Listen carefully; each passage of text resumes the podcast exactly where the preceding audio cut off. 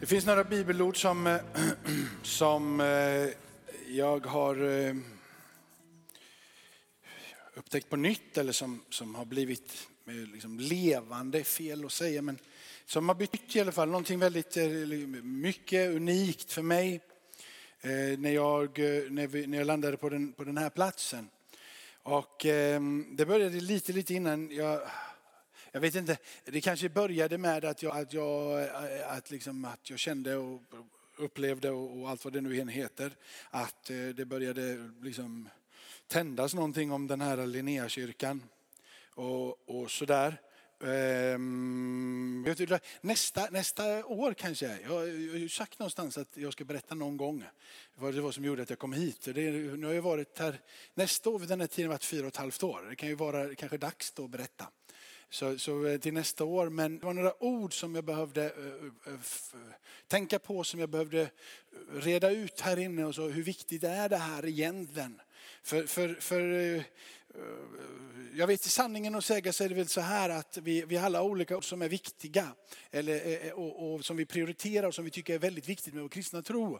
Och det kan ju vara för en del att leva oerhört mycket i barmhärtighetstjänst och för en del så kan det vara lovsång och för en del så är det så här och så.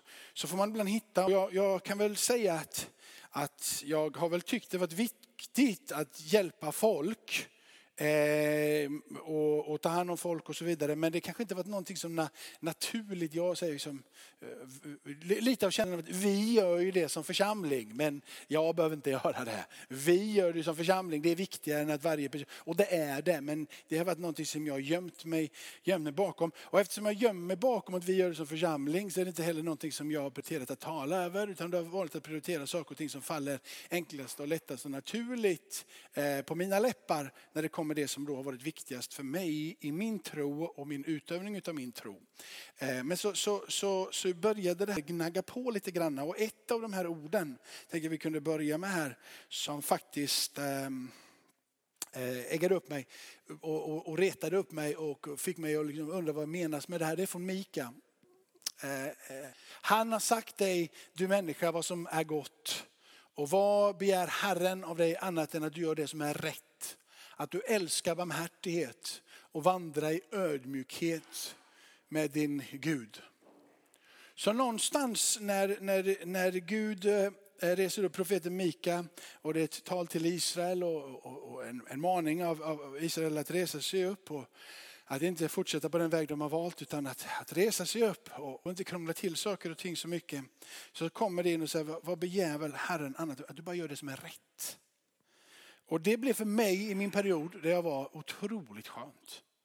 Eh, jag behöver, inte, jag behöver liksom inte eh, eh, skrika i tungor klockan tio på, på, på, på söndagskvällen. Och jag behöver inte heller gå på en liturgisk gudstjänst och anamma en sakramental teologi. Jag behöver inte. Utan det enda som Herren ber är inte bara att du, att du gör rätt. Att du lever ut den barmhärtighet som du själv har fått uppleva. Och att du eh, i ödmjukhet igenkänner vem Gud är och vandrar tillsammans med honom. Alla de där andra sakerna är det som du och jag har gjort eh, och tro till. Eh, och kanske inte nödvändigtvis det som Gud säger att du och jag ska göra och på vilket sätt vi ska vara. Så för mig så, så blev det här en befrielse. För jag är också uppvuxen med, med bergspredikan om du har varit i kyrkan. Och bergspredikan som egentligen skulle vara din fullständiga befrielsen för varje kristen har blivit ett gigantiskt ok att bära. För att om du inte älskar dina fiender så sitter du där varje dag med ditt dåliga samvete. Och det är ju det som händer med de kristna, att enda som, som liksom, vi blir helt stillastående och rör oss inte i fläcken är för att vi har så dåligt samvete. Vi kan inte leva upp till allting det som vi säger att vi borde leva upp till. Och så kommer du, det enda jag begär av dig, Jakob, det är att du gör det som är rätt. Att du är barmhärtig. Och att du vandrar i ödmjukhet inför Gud. Plötsligt så blir min Gud bra mycket större än den jag försökte göra han till. För det handlade om vad jag kunde leva upp till. Det som jag egentligen inte tror på. Vad jag kan göra för att leva upp till den guden så att den guden kan välsigna mig och ta hand om mig. Jag tror inte på det. Jag tror ju på att det finns en Gud som jag kan komma till i bara nåd. Men likväl så lever vi som kristna med det dåliga samvetet att vi inte räcker till. Och så bara, vad begär väl Herren annat av dig? Att du bara gör det som är rätt. Det, det lättaste sättet att se på det är ju att du slutar göra orätt så har du börjat göra rätt. Och jag bara, är det så enkelt? Ja. Jag bara sluta göra det som är fel. Helt plötsligt har jag bara börjat göra det som är rätt. Är du med? Så när du börjar älska så slutar du ju att hata. Eller? Så det, det börjar det är ganska enkelt, det, det sker på ett enda nu. Det är ingen lång resa med det. Det är bara att bestämma sig att inte göra orätt. Så har du börjat göra rätt. Ingen börda att bära och du behöver inte ens Jesus för det. Nästa som har kommit till mig som jag inte tar upp här, det var ett annat ord, det var rättvisa. Jag tror att vi kallar det som församling att vara en profetisk röst i samhällets alla tider av att rättvisa är viktigt. Och eh, min stora förebild här när jag började, började andas på detta blev profeten Amos. Mika är också en profet och jag, vi slår inte upp någon bibelvers därifrån men en, eh, från profeten Amos och, eh, eh, och, och, och, sen när jag fick veta att Martin Luther King junior och den revolution som han startade på 60-talet emot ras, ras, rasism och den här skillnaden av rättigheter som svarta och vita hade i USA och, och, och på många fler ställen över världen. För övrigt, hur han hämtade sin inspiration från Amos. Eh, så blev ju Amos bok som jag inte innan riktigt hade förstått helt plötsligt levande i ljuset utifrån Martin Luther King. Att vi är kallade, att, för mig var innan den profetiska rösten att vi ska tala om att Jesus lever. Och så ska vi gå ut och så ska vi tala om att han dog på korset och så ska vi liksom bryta in och det ska bara komma ljus ifrån himmelen där vi kommer. Och när vi bara, så, sådär va. Och det tror jag fortfarande på att vi ska tala om alla de där sakerna som den profetiska kallelsen som vi har centrerat i våra karismatiska eh, rörelser till att gälla att tala bara till det som är eh, synd på något sätt. Va? Men här så reser sig den, en profeten Amos upp och går in och talar till hela samhället. Martin Luther King går in och talar till hela samhället. Nu snackar vi profetröst. Han går dit och talar, ni gör fel. Och vad han säger som äggade mig var så här, ni behöver bli mer kristna här i södern. Ni behöver bli mer kristna, inte mindre kristna. Ni behöver bli mer kristna för de trodde att de var kristna.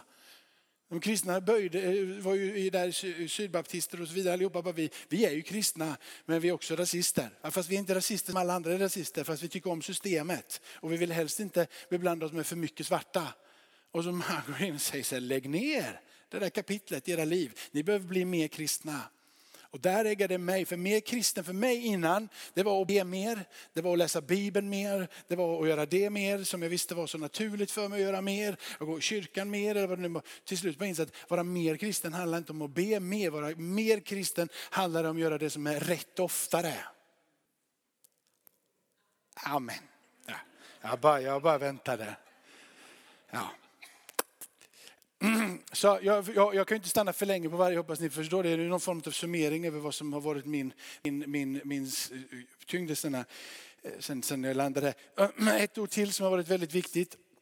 är från Matteus 23. Matteus 23 så, så, ställer sig Jesus på riktigt och säger till dessa skriftlärda och fariseer och de som vet att de kan allting och talar om för dem att den som är störst bland er ska vara den andra tjänaren. Ett helt kapitel går åt för att lusa av dem ordentligt och tala om hur vilka felperspektiv de har på tillvaron och livet och han går, går ganska hårt åt dem. Eh, men själva poängen med hela det kapitlet är vers 11. Den som är störst bland er ska vara den andra tjänare.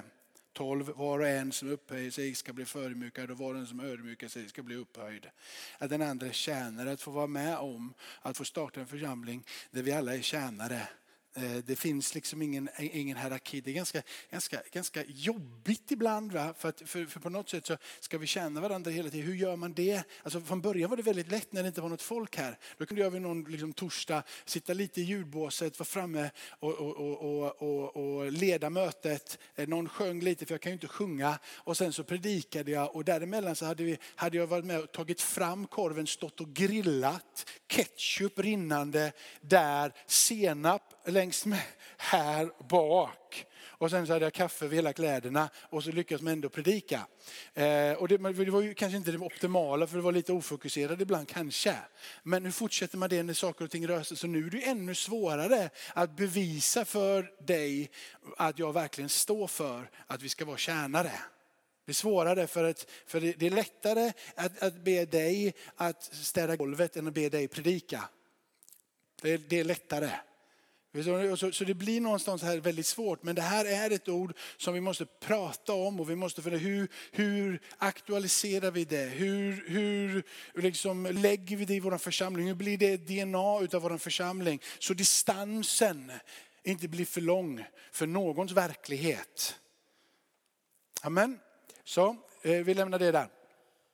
Eh, jag måste då få, få säga, ibland av de här sakerna så har det inte varit jätteenkelt. Men jag har tänkt så här när det har när det, liksom, jag måste fatta det här, jag måste greppa det, det måste bli någonting av det viktigaste i mitt liv. Varför? För att jag måste, kunna, måste hitta ett bredare sätt att förhålla mig. Och, och, och, tillämpa min kristna tro. Det kan inte bara vara i ett bönemöte, utan det måste bli mer. Och jag tänkte jag så här, att nåden kom ju in i mitt liv och från den dagen som nåden kom in i mitt liv så förstod jag ju inte allting om den kristna tron. Men likväl så hade nåden tagit mig.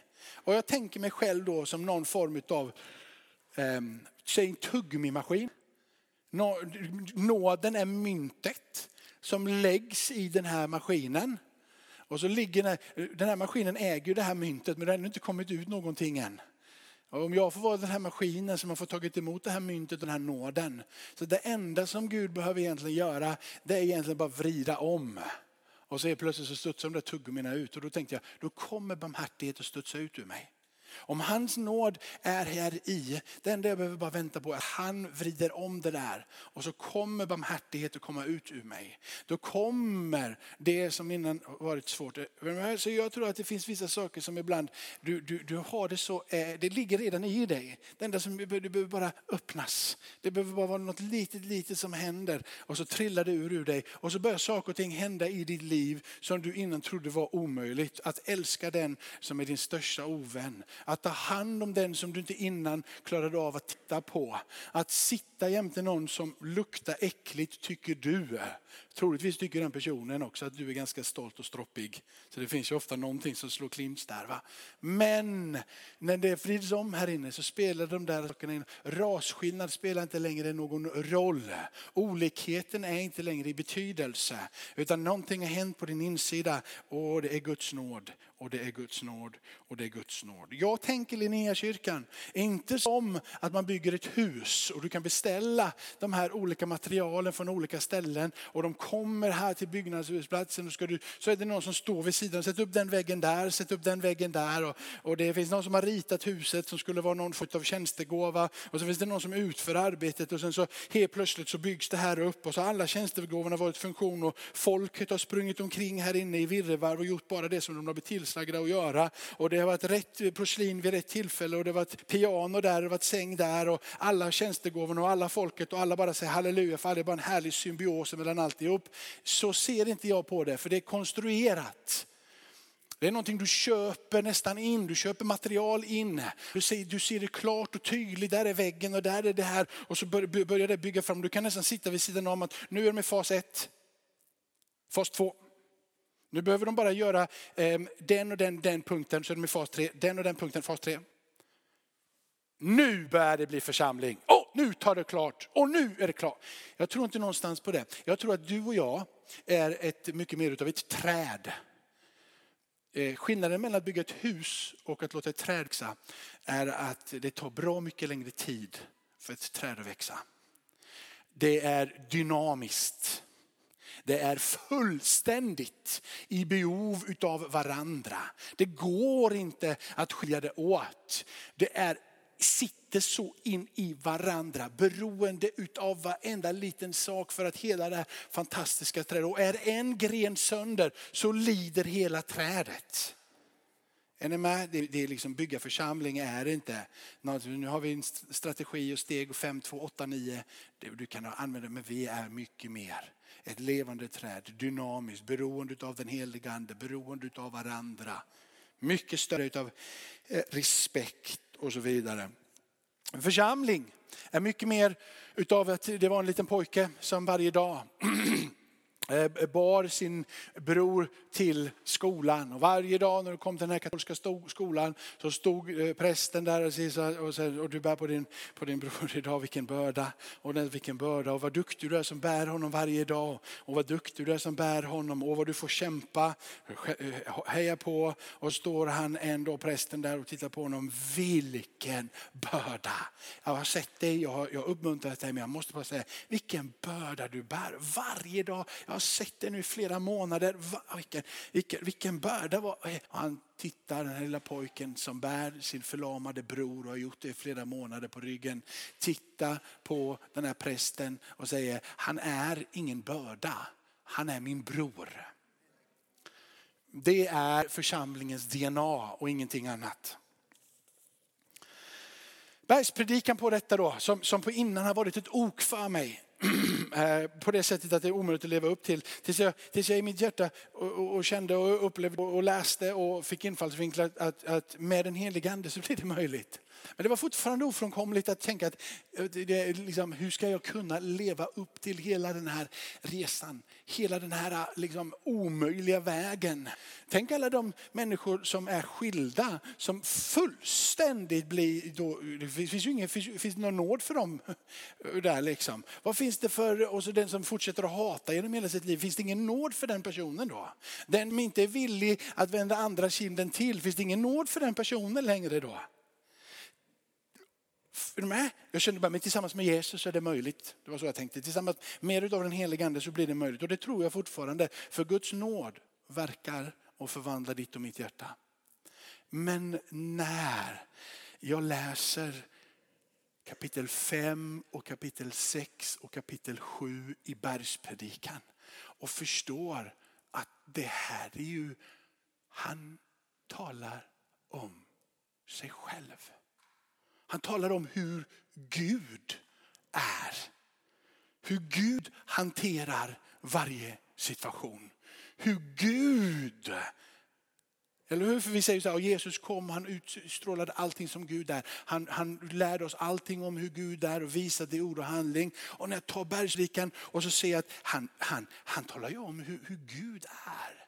Hur Gud inte behöver spela ut hela registret i bön utan att han kan vara ganska enkel att umgås med.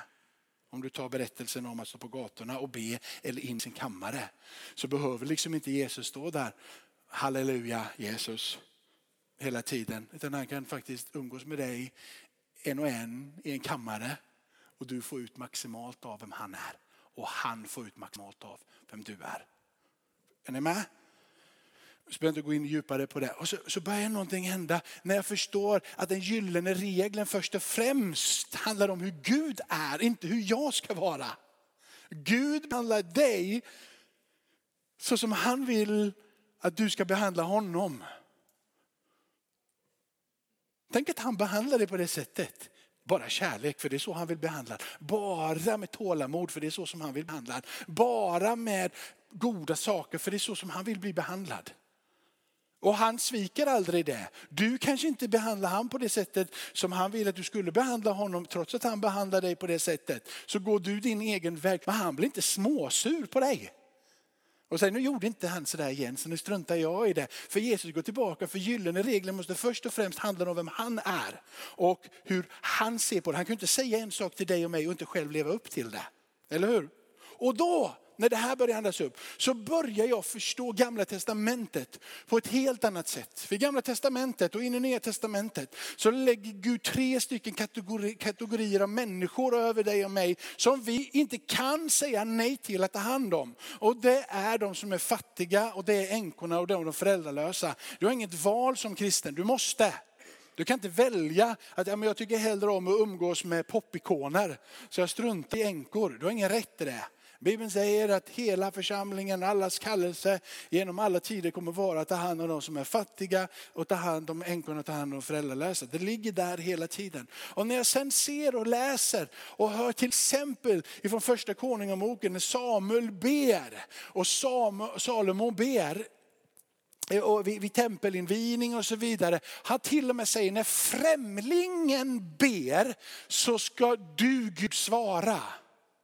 När främlingen är vänd emot ditt hus och ber till dig för att han har hört hur du agerar och vad du gör så skall han svara. Då skall Gud svara. Gud ska ha all ära och så vidare. Och när jag kopplar ihop det här med gamla testamentet. Du har Mika, du har Amos och du har alla andra starka profeter som reser sig upp och pekar på orättvisor i samhället. Jesus kommer ner och bryter sönder varje profet och varje laglärd som försöker sätta ett ok på människor kommer ner och säger, jag lever upp till allting detta som ni säger att alla människor ska leva upp till. Det lever jag är fullbordandet utav hela lagen, profeterna och allting vad de har sagt.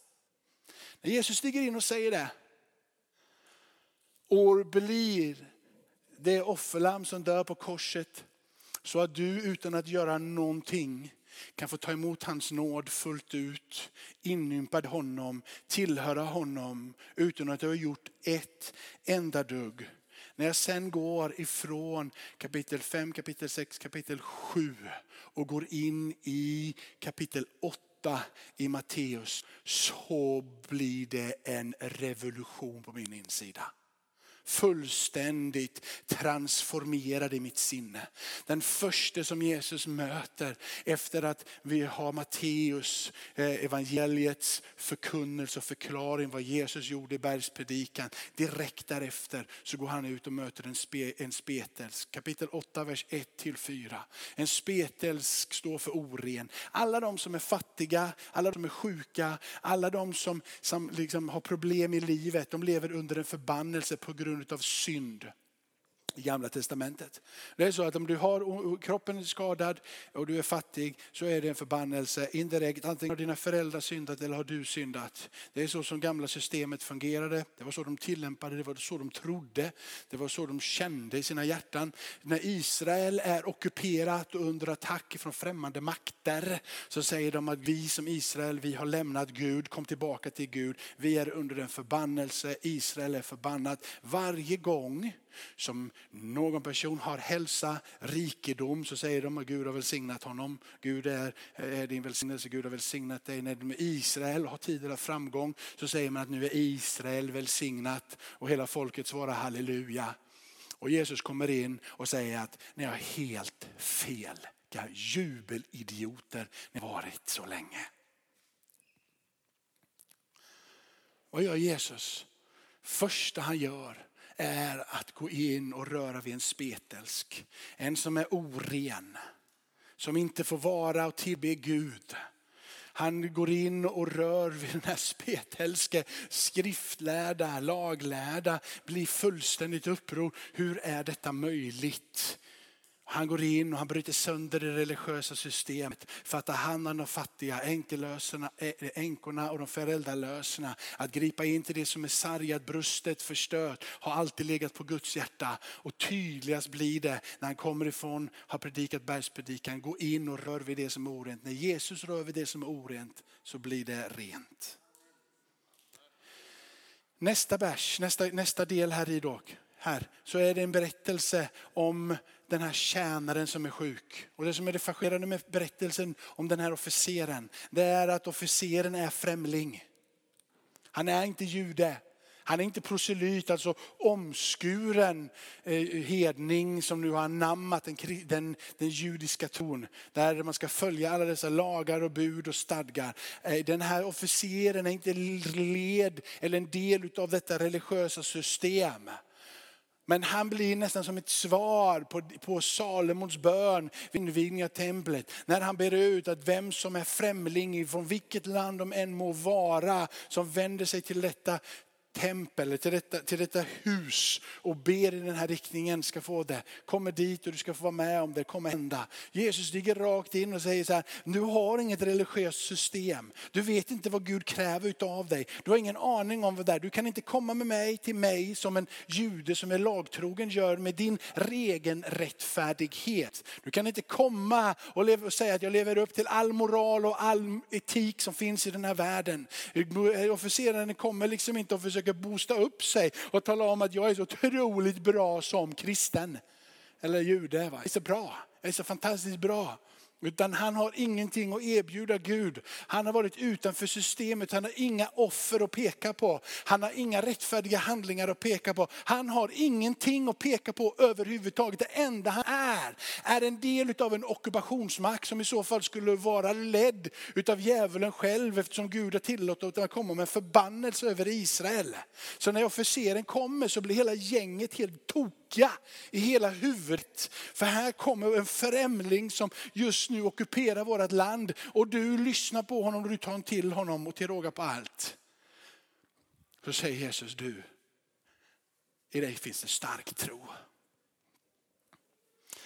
Han hade inte blivit begränsad av det religiösa systemet. Han hade inte blivit begränsad av att leva upp till massa moral och etik. Han bara kastade sig på Gud för att Gud just är Gud. Amen. Jag hade tänkt säga en sak till. Men jag säger bara sista versen i det sammanhanget. Ifrån när Jesus går in till Sackeus, en publikan. Då står det så här i kapitel 19 i Lukas. Och så från vers 10. Ty människosonen har inte kommit för att uppsöka och frälsa det som var förlorat. Hur aktualiserar jag det i mitt liv? Hur blir det en verklighet? Hur blir det verkligt att inte bara ta hand om redan kristna? Hur blir det verklighet om Jesus hela tiden samlade massor med skaror så lever han fortfarande med att den som är utanför, hur fångar jag den så den kommer innanför? Jesus säger han har kommit själv för att söka upp och frälsa det som var förlorat. Det måste vara din och min drivkraft. Eh, annars så finns det inte något berättigande för någon församling egentligen. Ta hand om folket är viktigt men att vi ska röra oss utåt. Vi är ett profetiskt folk och vi är ett missionerande folk. Vi är inga förvaltare. Vi är erövrare, vi är pionjärer. Vi är de som lämnar våra trygga plats i himmelen för att söka upp det som är förlorat. Och det är en ständigt återkommande säsonger, ungefär som du har vår, och sommar, höst och vinter. Ibland kan det vara lite gött att sitta inomhus på hösten och du behöver den där tekoppen och du behöver det där ljuset och du behöver den där värmen. Men när våren kommer så sitter du inte fortfarande hemma och myser och tittar dig själv i naveln. Då reser du dig upp och så går du ut och gör det som du är ämnat för att göra. Eller hur? Precis på samma sätt som kristen så är det okej okay att få sitta hemma och uggla en liten stund. Men när våren kommer, din vår med tillsammans med Gud, så är du kallad att vara en missionär. För du är en del av ett profetiskt folk. Du har en profetisk bok som leder dig. Amen. Nu har jag predikat så jag storknar. Nu ber vi en bön och så kommer lösningen. Tackar dig Fader i himmelen. För att vi får vara en del av eh, din församling. Du leder din församling. Och du leder din församling för ditt namns skull Herre. Du leder inte den för föreningen Linnéhusets skull utan du leder den här församlingen för ditt namns skull. Du bygger din församling och vi litar på det. Vi tror att vi är ett levande träd inympade i det sanna olivträdet. Inympade i dig och du dynamiskt låter oss eh, växa när vi ödmjukt vandrar inför dig. Vi ger våra hjärtan till dig Herre. De som eh, har förstått en liten en del av evangelium, låt dem också förstå den andra delen av evangelium. Och de som har förstått den sidan, låt dem få trilla över på andra sidan. Låt det få bli en dynamik där vi frigör varandra, där vi reser varandra upp Herre. Och där du Herre får bli eh, den som du verkligen är i allas hjärtan och i allas liv. Konungarnas konung och herrarnas herre. Tack för att du leder din församling Herre. Halleluja, ska vi stå upp tillsammans? Jesus tror att Gud säger att det är, det är bokstavligt en, en ny tid. Vi stiger in här som två år och vidare, men, men det, är en, det är en ny tid. Det, det är en ny tid att förstå. Ehm, det som, det som, det som, det som du har lärt dig och det som du kan, det kommer du också förstå som, det är, det, det, du vet när ett, när ett äpple eller så här, ett, ett frukt trillar från träden ner så, så är det inte speciellt mycket som, som sker just då. Det har skett väldigt mycket innan. Men det är när det faller ner som på något sätt nu händer någonting. Allting annat har skett så otroligt sakta. Det har skett liksom dag för dag, sekund för sekund. Och ingen har ens uppfattat som när trädet växte förut, oh, nu är trädet stort. Och ingen uppfattade det så, nu, oj, nu var äpplena mogna.